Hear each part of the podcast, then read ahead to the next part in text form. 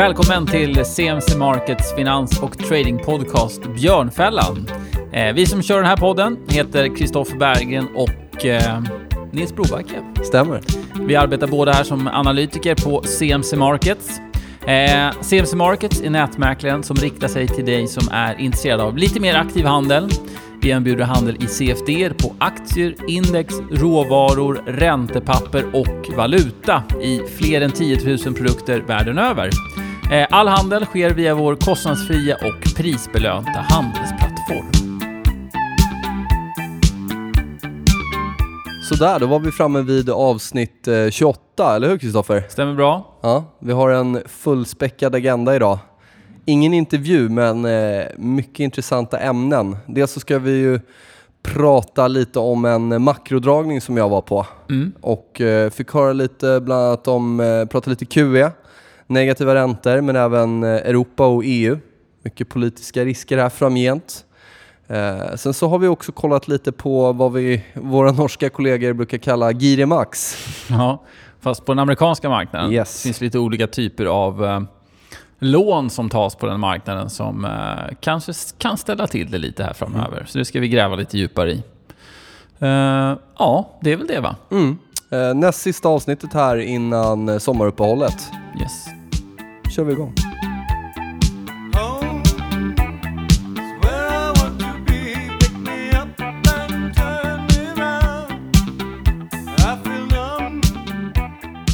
Då drar vi igång första delen här då, där vi ska prata lite om olika lånetyper kan man väl säga på den, eh, framförallt den amerikanska marknaden. Och vi kan ju börja med att kika på, det har cirkulerat ett tag runt om eh, i, på finansmedier om det här med margin debt i USA, just på eh, New York Stock Exchange, att den börjar komma upp på, på väldigt höga nivåer. Eh, den har passerat nivåerna som vi hade runt eh, 00 och 07 och Ska vi klargöra vad margin debt är för Ja, något? det kan Ja. vi göra. Det kan ju vara lämpligt. Det är egentligen hur stor del av eh, depån kan man säga som är belånat kapital.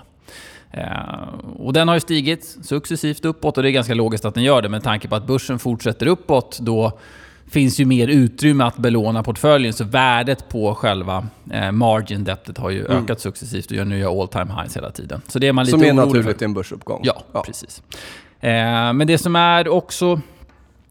De som är, vad ska vi säga, inte ser det här som så farligt säger att ja, men det är, har varit en uppgång och storleken är, i sig är inte intressant. Men om man till exempel ställer i relation till BNP så har vi faktiskt passerat topparna som vi hade 00 och eh, finanskristoppen. Ehm, så att det är ändå ett litet varningstecken. Vi har inte haft den här dramatiska uppgången i skulderna som vi hade, eller belåningen som vi hade innan 0 innan eh, IT-bubblan och eh, innan finanskrisen smällde. Inte det här eh, euforifasen riktigt. Precis. Och man kan tänka lite där kanske också hur eh, aktiekurserna såg ut eh, 99 där när det spikade innan till exempel. Så det där riktiga, den där galna fasen har vi inte riktigt träffat ännu då. Precis. Men eh, det rör sig su- successivt uppåt, eh, så det är ju någonting man ska hålla lite koll på. Eh, Och när börjar margin debt eh, bli ett problem då? Eller framförallt i relation till börsvärde. Som vi säger så det är inget problem när index fortsätter uppåt. Nej. Aktieportföljer fortsätter att stiga i värde, man har möjlighet att ta på sig mer belåning. Eh, men när det väl vänder så vänder ju också det sambandet. Ehm, placerare kommer börja ta stopplossar och margin calls. Det här kommer självklart snabba på rörelsen neråt. Då. Och så det här kan gå ganska snabbt när det väl vänder. Mm. Och det viktiga är väl att, att försöka identifiera när det sker. Precis. Att vi får ökningen från höga nivåer är ju inte bra, men det, det man ska hålla koll på är egentligen när den trenden vänder. Om man vill slänga på ett medelvärde på margin debt-ökningen eller vad man nu väljer att göra, så det gör man som man vill. Men håll lite koll på, på riktningen där. Sen ska vi säga också att tittar man på margin debt i relation till totalt börsvärde, det som vi var inne på där i, börs, eh, i början, så, så är vi inte på alarmerande nivåer. Men å andra sidan så är vi på höga, eller väldigt höga, värderingsnivåer i USA då som det här med margin debt berör. Så att det... Jag tycker inte man ska sopa under mattan, utan eh, håll koll på utvecklingen. minus. Ja. Ja. Sen har vi ju även eh, ett annat intressant lån. Stekar subprime kallas Ja. det va? Show me the money. Money!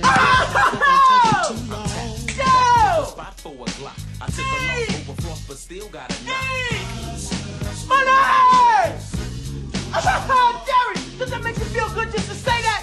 Say it with me one time, Jerry. Show you the money. Oh, no, no, you can do better than that, Jerry. I want you to say it with you with meaning, brother. Hey, I got Bob Sugar on the other line. I better hear you say it. Yeah, yeah, no, no, no. Show you the money. Not, not show you. Show me the money. Show me the money. Yeah. Louder. Show me the money. That's it, brother, but you got to yell. Show me the money. I need to feel you, Jerry. Show me the money. Jerry, you better yell. Show me the money.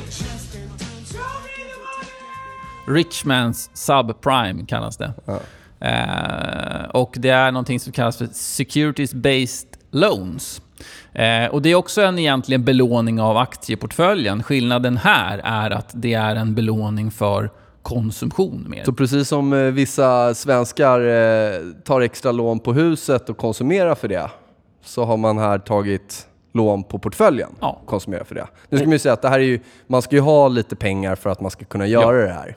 Precis, så är det ju. Så att, eh, och det som är lite intressant med den här, den här typen av lån är att de får ju inte användas för att köpa mer aktier, för att utöka aktieportföljen. Utan tar man det så är det ju som sagt, då är det för att köpa något hus eller konst eller vad det nu är för någonting. Så att, som du säger, det är ju det är inte de kapitalsvagaste som, som kanske väljer att belåna sin portfölj för konsumtion. Men det säger ändå en del om, tycker jag, mentaliteten att man väljer att göra det för att få ut loss pengar som man kan då sätta sprätt på på en gång. Och på samma sätt som eh, vi tidigare nämnde som kan spä på margin calls börja ta och spä på nedgångar så kan det vara samma sak här. Även om det här är, är personer som har kapital ehm, så när, det väl, när mäklarfirmorna väl börjar måste likvidera de här positionerna så spöjer det på nedgången. Precis. Och det är en anledning till att de här eh, lånen behöver ju inte heller bokföras, visst är det så? Nej, på samma de är, sätt. s- precis. De är svåra att hitta liksom i, i balansräkningen. Så SEC till exempel har ingen riktig koll på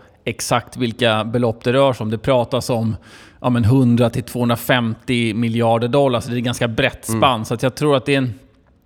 Det är ingen som har en exakt siffra på det. Egentligen de enda som ställer ut dem som, eller har den här typen av belåning som, som ändå redovisar hur mycket det handlar om, det är Morgan Stanley. Och de ökade den här typen av belåning med 26% förra året till 36 miljarder eh, dollar. Ja, och naturligt såklart, börserna går upp, man, man känner att man har utrymme.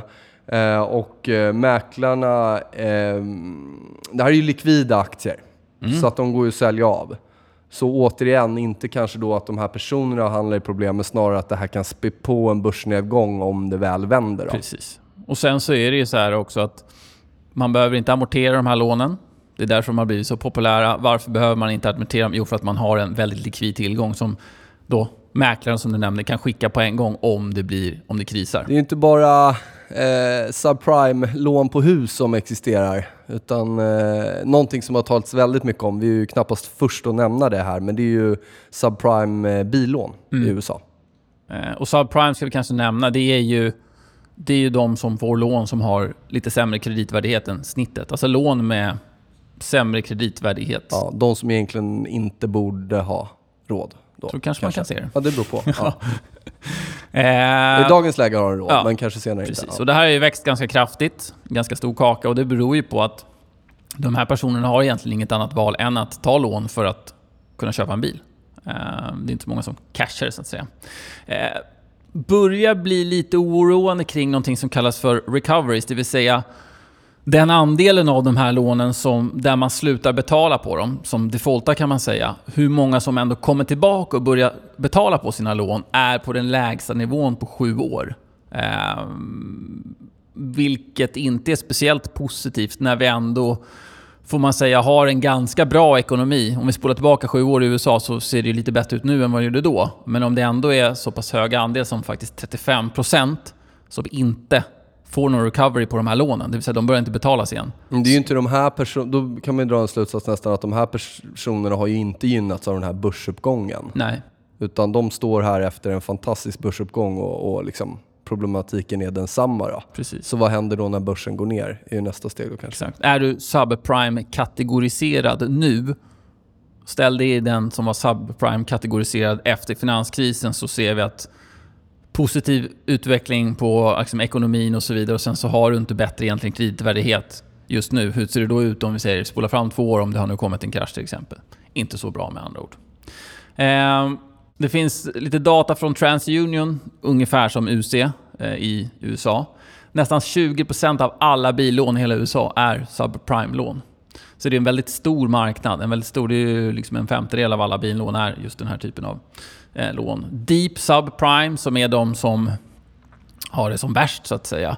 Den andelen ökar också på billånesidan. Och jag antar att det skapas eh, finansiella produkter på det här då att investera i Ja, såklart precis. eftersom att det antagligen gildar rätt bra så länge det håller. Precis, precis. Ja, det, Jag läste någonstans att man buntar ihop de här lånen till en form av obligation och så sätts det vidare då till Mm. de som jagar avkastning. Och det, det händer väl lite liknande saker under Ja, ja, det eh, husbubblan där borta. Ja. Ja. Mm. Sen har du kikat på det här, visst var det så även att eh, man plockade med sig ett gammalt lån från en gammal bil va? Ja, precis. Eh, när de byter över, när man byter bil helt enkelt, byter sin belånade bil mot en ny belånad bil, så rullar man liksom över lånet till nästa bil. Problemet då är att till slut så hamnar man i situationen där lånet är större än vad bilen, den nya bilen som man får, är värd.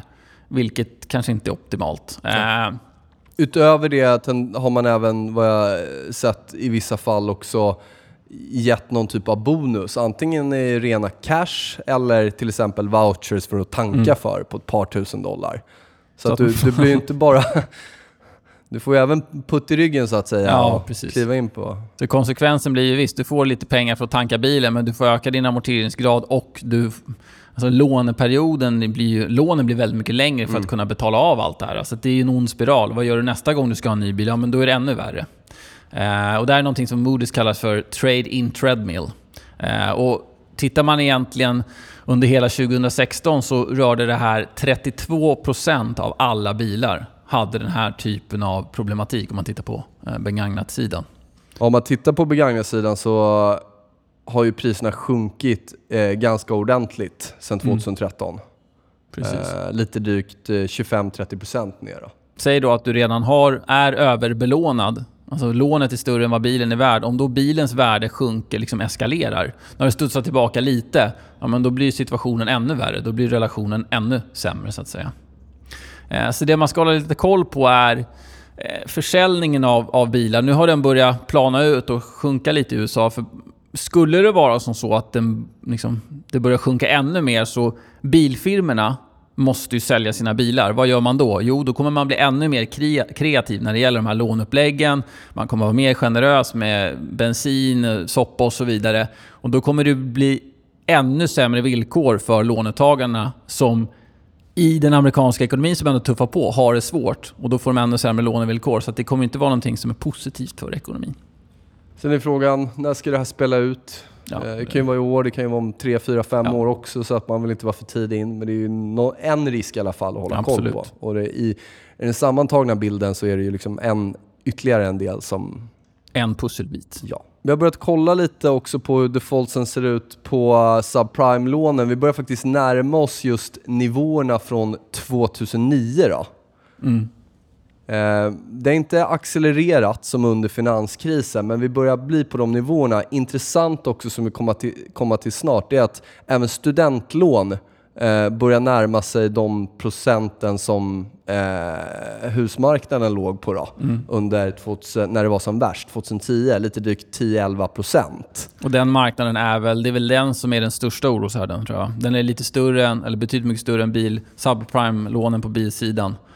Ja, eh, det är intressant att totala värdet på alla studielån i USA idag är större än totala värdet under piken av eh, husbubblan då, på Alltså på bostadslånen? Ja, Okej. Eh, Så det har växt från, 2004 låg det på 260 eh, billion US dollars och nu är vi uppe, alltså 2016 gjorde man den sista mätningen på 1,31 trillion dollars. Så det är en ganska stor ökning. Så trillion, det är nog... Vad är det då? Det är biljoner, Biljoner. va? Billion Yes. är miljarder. Ja. Så att, eh, det är en skön 50% ökning där sedan 2004. Vad är problemet då? Alla ska väl plugga och pluggar man så får man väl ett fint jobb och så kan man betala av det där lånet.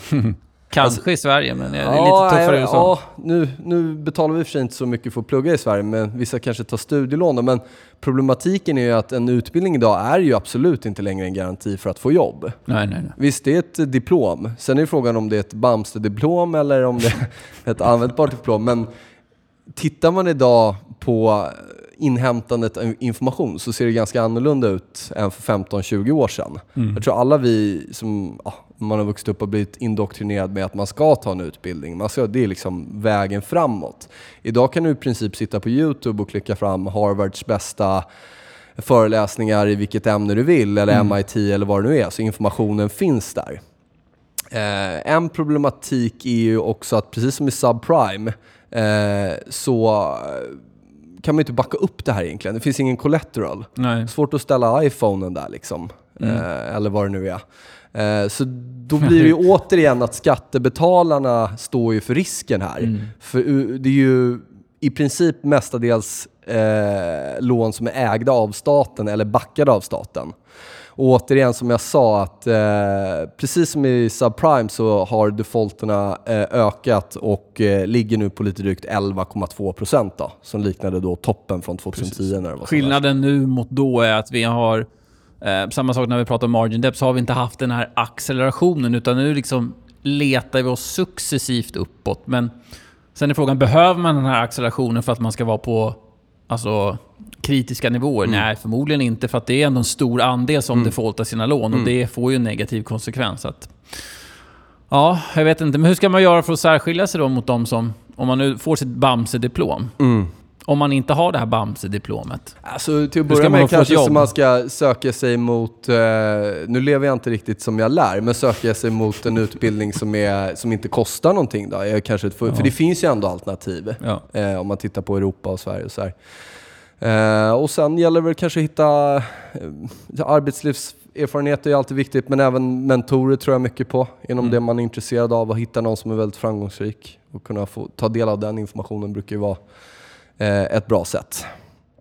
Du kanske kan bli mentor. Ja, det vet jag inte. Framgångsrik var det väl?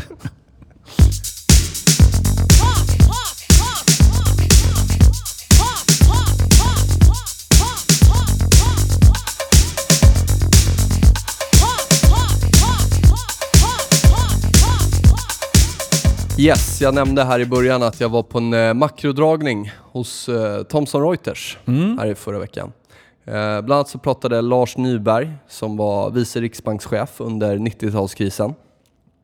Eh, det var även Anna Breman, chefsekonom på Swedbank. Och sen hade vi en herre som heter Fredrik Eriksson, direktör för Europeiska centret för internationell politisk ekonomi. En tankesmedja som sysslar right. mycket med EU-frågor och sådär. Eh, intressant dragning och det var framförallt några saker som jag tänkte att vi skulle bara prata lite kort om idag. Eh, första punkten var QE och negativa räntor egentligen. Vi pratade lite eh, hur det ser ut och vad de trodde framgent. Genomgående för alla tre var väl egentligen att det är politiskt omöjligt att höja räntorna för snabbt. Det är inte bara de som säger det, har vi hört flertal gånger. Bland annat Anders eh, Elgemyr som var med i podden nämnde ju det också. Därför troligt att den här lågräntemiljön fortsätter. Även att USA har smått börjat höja räntan nu då för att eventuellt ha utrymme då eh, om det skulle bli en sättning i ekonomin. Mm. Det låter jäkligt sunt att man höjer lite Ja, det låter- för att man ska ha utrymme att kunna sänka. Det, det låter lite omvänt. Ehm, största hotet mot svensk ekonomi tyckte de inte var ett börsfall utan bostadskris, bostadsbubbla. Som ja, de flesta har pratat om det. Vi och många andra. Sen var vi även inne och berörde ämnet inflation. Eh, de menade på att vi kan inte titta på en, egentligen en inflation på nationalstatsbasis längre utan eh, eh, vi är en globaliserad värld. Eh, I-länder driver ju inte inflationen, knappt Kina heller, så var ska inflationen komma ifrån då? Eh, lite sådana resonemang. Mm. När det gäller Sverige så nämnde de även just det här kring att Sverige går egentligen totalt mot att bli ett eh, tjänstesektorland. då. Eh, servicesektor och industrierna försvinner mer och mer. I en sån, eh, ett sånt land eller en sån värld så kommer vi ha mindre tillväxt, mindre inflation och det är naturligt. Eh, det är så det ser ut, det nya normala då, så att säga. Ja, du var inne på det här med, med eh, Fed och eh, höja eller inte höja och så vidare. Det spekuleras ju mycket kring det. Eh, och det har även börjat spekuleras kring hur man ska lösa den gigantiska balansräkningen, eller hur, fram, fram, hur man framförallt ska få den att bli mindre. Eh, och vi har pratat om det i tidigare poddar. Jag vet att Anders hade en teori för några avsnitt sedan att man skulle, de skulle stryka den helt och hållet. Exakt, det var enklaste sättet. Ja, det här är väl inte riktigt på det sättet, men det är ändå en ganska vad ska man säga, defensiv eh, strategi nu som dök upp under faktiskt senaste... Det senaste protokollet som kom ut från det senaste räntemötet, det kom ut 24 maj. Så fick man fram lite info kring det här och det man kommer göra är att man kommer låta en viss mängd eller en viss summa av de här obligationerna som förfaller kommer man låta förfalla helt enkelt. Tidigare så har man köpt nya, så att man har liksom hållit balansräkningen på samma nivå hela tiden. Men nu kommer man låta X antal då miljarder förfalla. Man har inte sagt hur mycket det kommer handla om varje gång. Ehm, och den räntan som man då erhåller på gamla obligationer den kommer att, om, om den blir så stor så att den överstiger det här beloppet som man tillåter ska förfalla så kommer man bli tvungen att göra de här återinvesteringarna igen. Däremot så är det som så att takten som man låter obligationerna förfalla kommer öka kvartalsvis. Det här, det här kommer liksom ebba ut efter ett tag. Det kommer ju ta sin tid för att det är ändå 4,5 jag har historien, biljoner dollar som den här balansräkningen är. Så det är ingenting man snyter ur näven kanske. Eh, och, och det som har varit med den amerikanska obligationsmarknaden är, eftersom den här är så stor, så en stor del av volymen är, har ju tidigare varit just att man bara liksom köper nya obligationer när de förfaller och man återinvesterar de här räntorna. Så det har liksom varit en väldigt stor del av obligationsmarknaden. Nu kommer det ebba ut, så då blir marknaden lite mer normal igen. Till skillnad från vissa andra länder så har ju USA eh, rent konstitutionellt eh, ett förbud mot att gå in och köpa eh, aktier. Då. Mm. Så det är ju obligationer som gäller. Exakt. Ehm, och man förväntar sig att under 2018-2019 så är det obligationer för runt en 800, 800 miljarder dollar som förfaller. Så det är en ganska stor andel som förfaller inom en ganska kort tidsperiod. Ehm, och det här kan ju låta väldigt enkelt och Ja, men vi låter bara att det förfaller och så vidare. Men problemet är att här är det extremt viktigt att man är tydlig med marknaden. Marknaden kommer behöva veta när kommer det här ske? Hur mycket kommer det ske? Och på vilket sätt kommer man göra? Egentligen hela tiden kommer man behöva den typen av uppföljning för att det inte ska spåra. Kokar vi ner det så är det kanske det som marknaden tycker minst om. Eh, oväntade scenarion som aldrig har skett tidigare och framförallt förväntningarna på det här oväntade scenariot. Precis. Och QE var ett, är ett experiment fortsatt. Blev Och ju bra får man väl säga. Om man Ja. eh, har varit lång S&P i alla fall och diverse andra index. Precis. Inte lika bra för genomsnittsmänniskan kanske. Nej, men för börsen. Ja, alltså är ju- det är egentligen en stor värdetransferering från medelklass till Mm. eh, de som har pengar. I Precis. alla fall i USA. Och det här blir också ett litet experiment. Och det är i och för sig en fördel för ECB som kommer hamna i samma situation. Eh, De har ju några, laggar ju några år, men de kommer ju se egentligen hur, ja, men hur hanterar marknaden den här typen av manöver, så, så kan man utgå lite från det. Eh, Det man inte ska glömma dock, du var inne på det här med att höja räntan. Det här är ju två... Höja räntan, ja det påverkar valutan så att säga, påverkar ränteuppgången. Men det gör ju även det här. Köper man inte obligationer så kommer inte det kunna pressa räntorna neråt, för det är därför man har köpt obligationer tidigare. Så då har man två faktorer som är ränkedrivande. Och då kan det bli liksom en, en, en dubbelsmäll där, så där får man vara lite försiktig. Yes, sen nämnde jag även att vi pratade lite Europa och EU och eventuella politiska risker här. Och det närmaste vi har är ju såklart imorgon. Vi spelar in den här podden en onsdag och imorgon så har vi val i England. Ja. Ehm, dels utfallet där, men sen har vi även Brexit. Och Brexit kommer kosta. Det är svårt att räkna på vad. Eh, troligtvis ansåg den här panelen inte att det skulle komma några straff från EUs sida. Men juridiken och allting kommer ändå vara så pass kostsam att det, det kommer en nota. Då. Men ansåg man att det kom, kommer liksom vara så som det är nu? Om vi bortser från det juridiska så kommer man då UK har samma villkor som de har nu, trots att de inte är med? Nej, Nej. Det, det, så är det ju inte. Utan det kommer ju bli, de kommer ju precis som andra länder som inte är med i EU som vill ha frihandelsavtal att behöva göra dem. Då. Eh, men rent, rena straffeftergifter Ja, från ja, ja. EU mm, trodde de inte var så sannolikt. Då. Ehm, så det, det blir svårt att säga om här och när den här podden släpps så, så kommer valet redan ha fallit ut. Men det vi kan säga är att eh, volatilitet är väl att vänta, framförallt i pundet. Och vi har ju en Absolut. ECB-räntebesked, även om det inte antagligen blir alls någon förändring där, så, så i alla fall presskonferensen efter kan nog skapa lite Och sen stök. var det väl förhör av den här FBI, ja, FBI, Trump och så vidare. Ehm, mm. Så det kan nog bli lite kul. Generellt kring EU så menade eh, den här panelen på att det finns ett grundläggande problem i EU och det är en identitetskris. Vad är EU? Det finns inte längre en vilja att samarbeta på samma sätt som det har sett ut historiskt sett. Eh, det finns inte ett förtroende mellan länderna. Och framförallt så är det på en folklig nivå då, alltså inte kanske på politikernivå eller massmedia eller vad det nu är, utan det är den här globala anti-etablissemangstrenden som vi har sett, som även drabbar Europa. De här samarbetena bryter ihop när det väl gäller. Vi kan ju bara titta på flyktingvågen här för något år sedan, när plötsligt så var alla länder sina egna länder och ingen brydde sig om, om eh, att tänka på någon annan.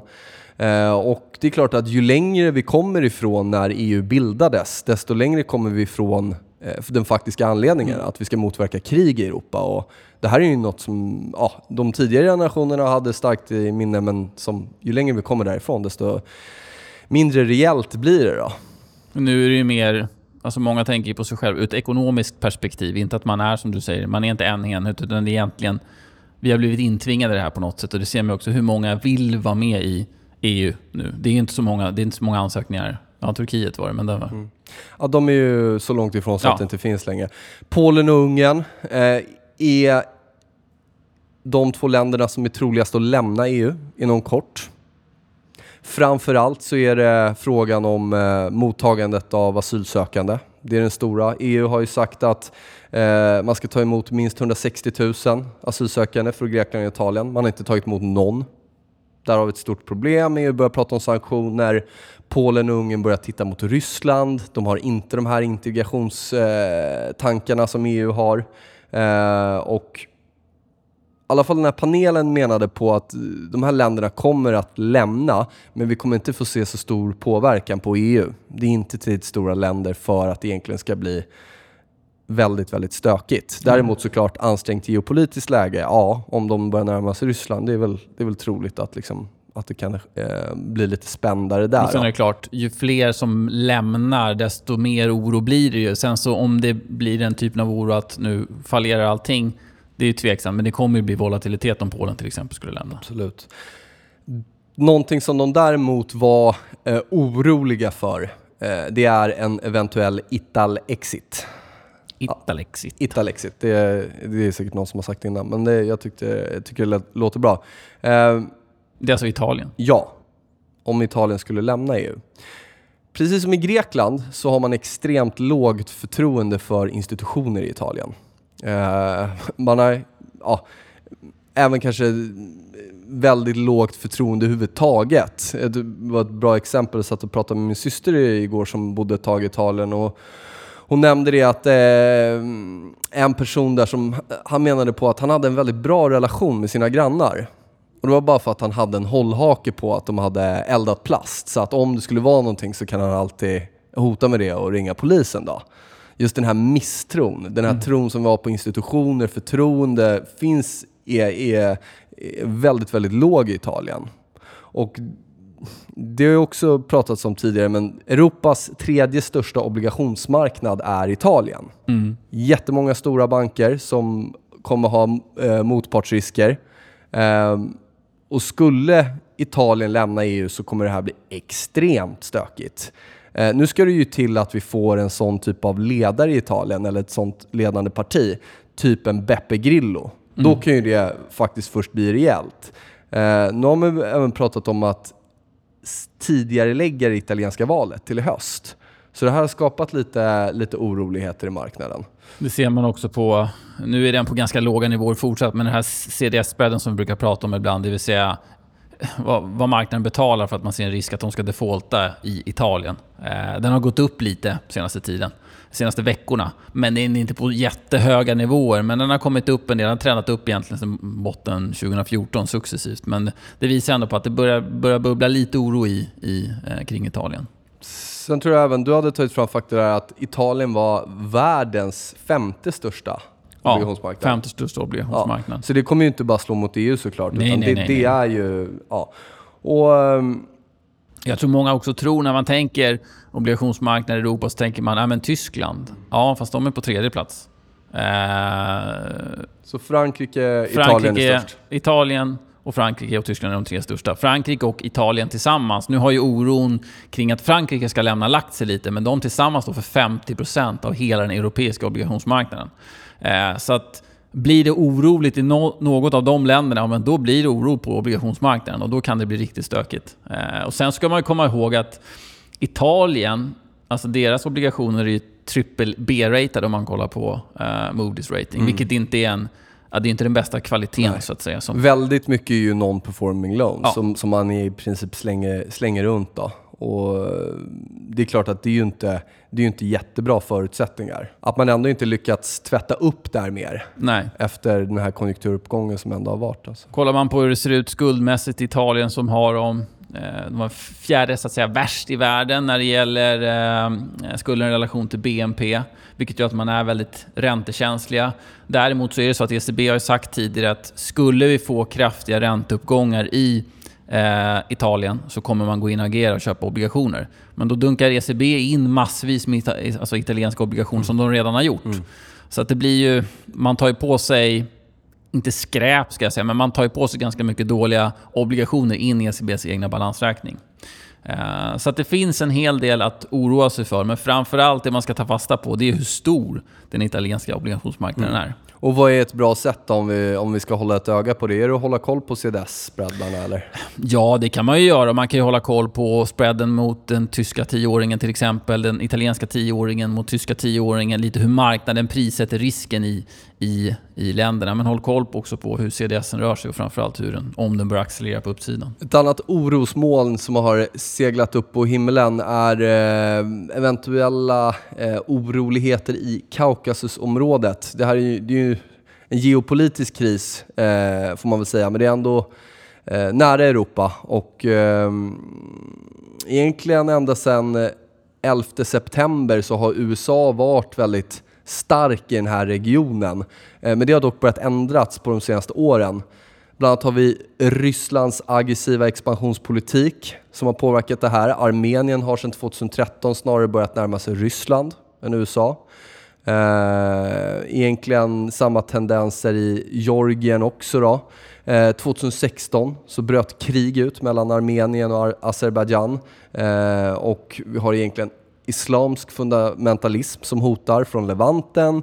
Det är Irans inblandning i alla de här konflikterna och sen har vi även oroligheterna i Turkiet som driver Turkiet väldigt, väldigt långt från Europa. Vi nämnde ju tidigare att de var på tal om att bli medlemmar, men det är ju helt otroligt idag om man tittar på det. Ja, det har vänt på... Ja. Vi har även otroligt mycket korruption, det är brott mot mänskliga rättigheter i de här länderna som vi har sett ett par exempel på. Eh, och även då, då krigsutbrott. Så att eh, ja, de målade inte upp någon rolig bild av, av den regionen Nej. just nu.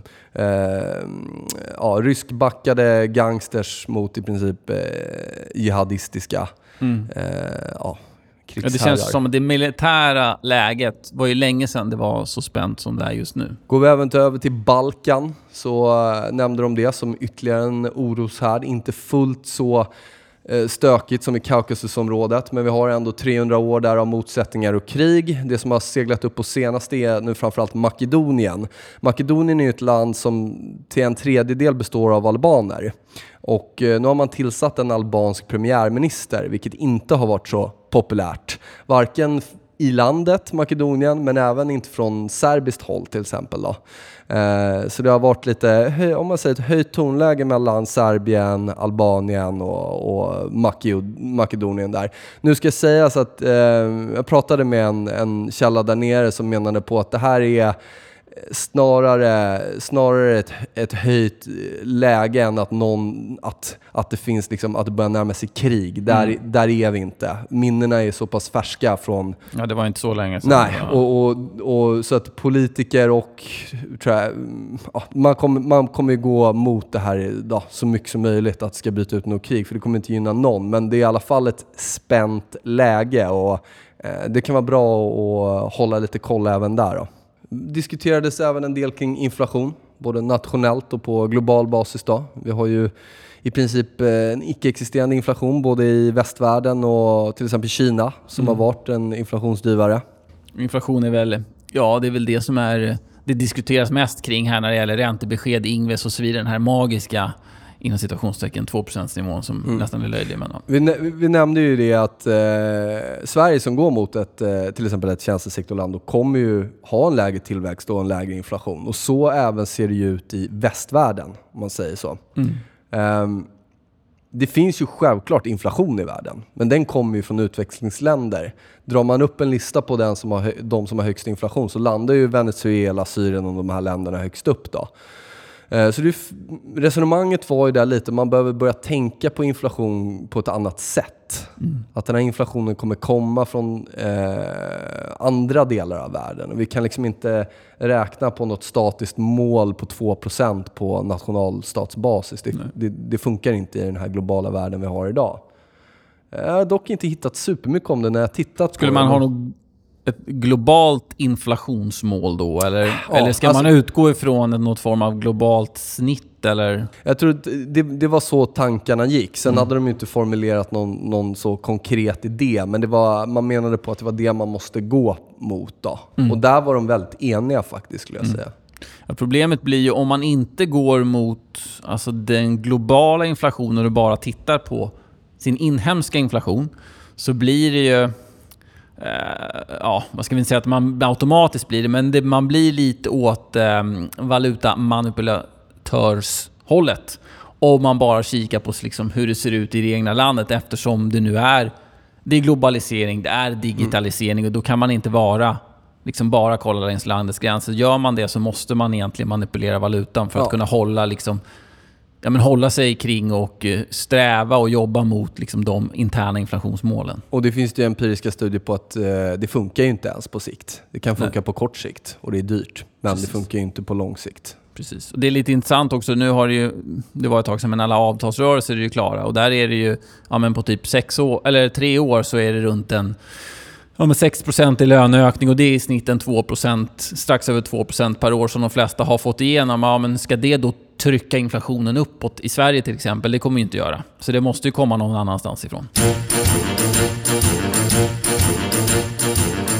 Ja, sådär då. Man ska ju se glaset som halvtomt, eller vad är det man vill Ja. säga? Ett fantastiskt positivt och, och upplyftande avsnitt. Ja, alltså vi ska ändå säga det med det sagt. Alla de här riskerna och, som vi har pratat om idag och så. Eh, det viktigaste, som vi alltid brukar säga, kolla på kursen. Så Ja, länge vi har högre priser. toppar, högre bottnar, är det uppåttrend. Eh, men det i alla fall kan vara värt att ha de här sakerna eh, om, om det väl börjar. Man ska veta om att det finns orosmoln där ute, trots att bussen bara... Bussen? Börsen. Bara rör sig uppåt, uppåt, uppåt. Och vi har ju inte fått den här sista Nej, bullmarknad-tryckaren. det där galna benet upp som ska få alla eh, bli björnar att bli, att bli köpare. Så den, den har inte kommit ännu.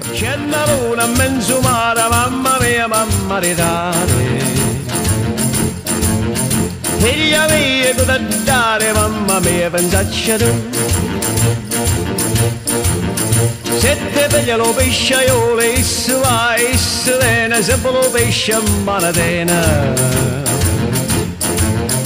Teaching a palavanda zede beşuli ave yutsanı La la riola beşe vritte bakkala We gumba no galamara cacaccata Second stanza.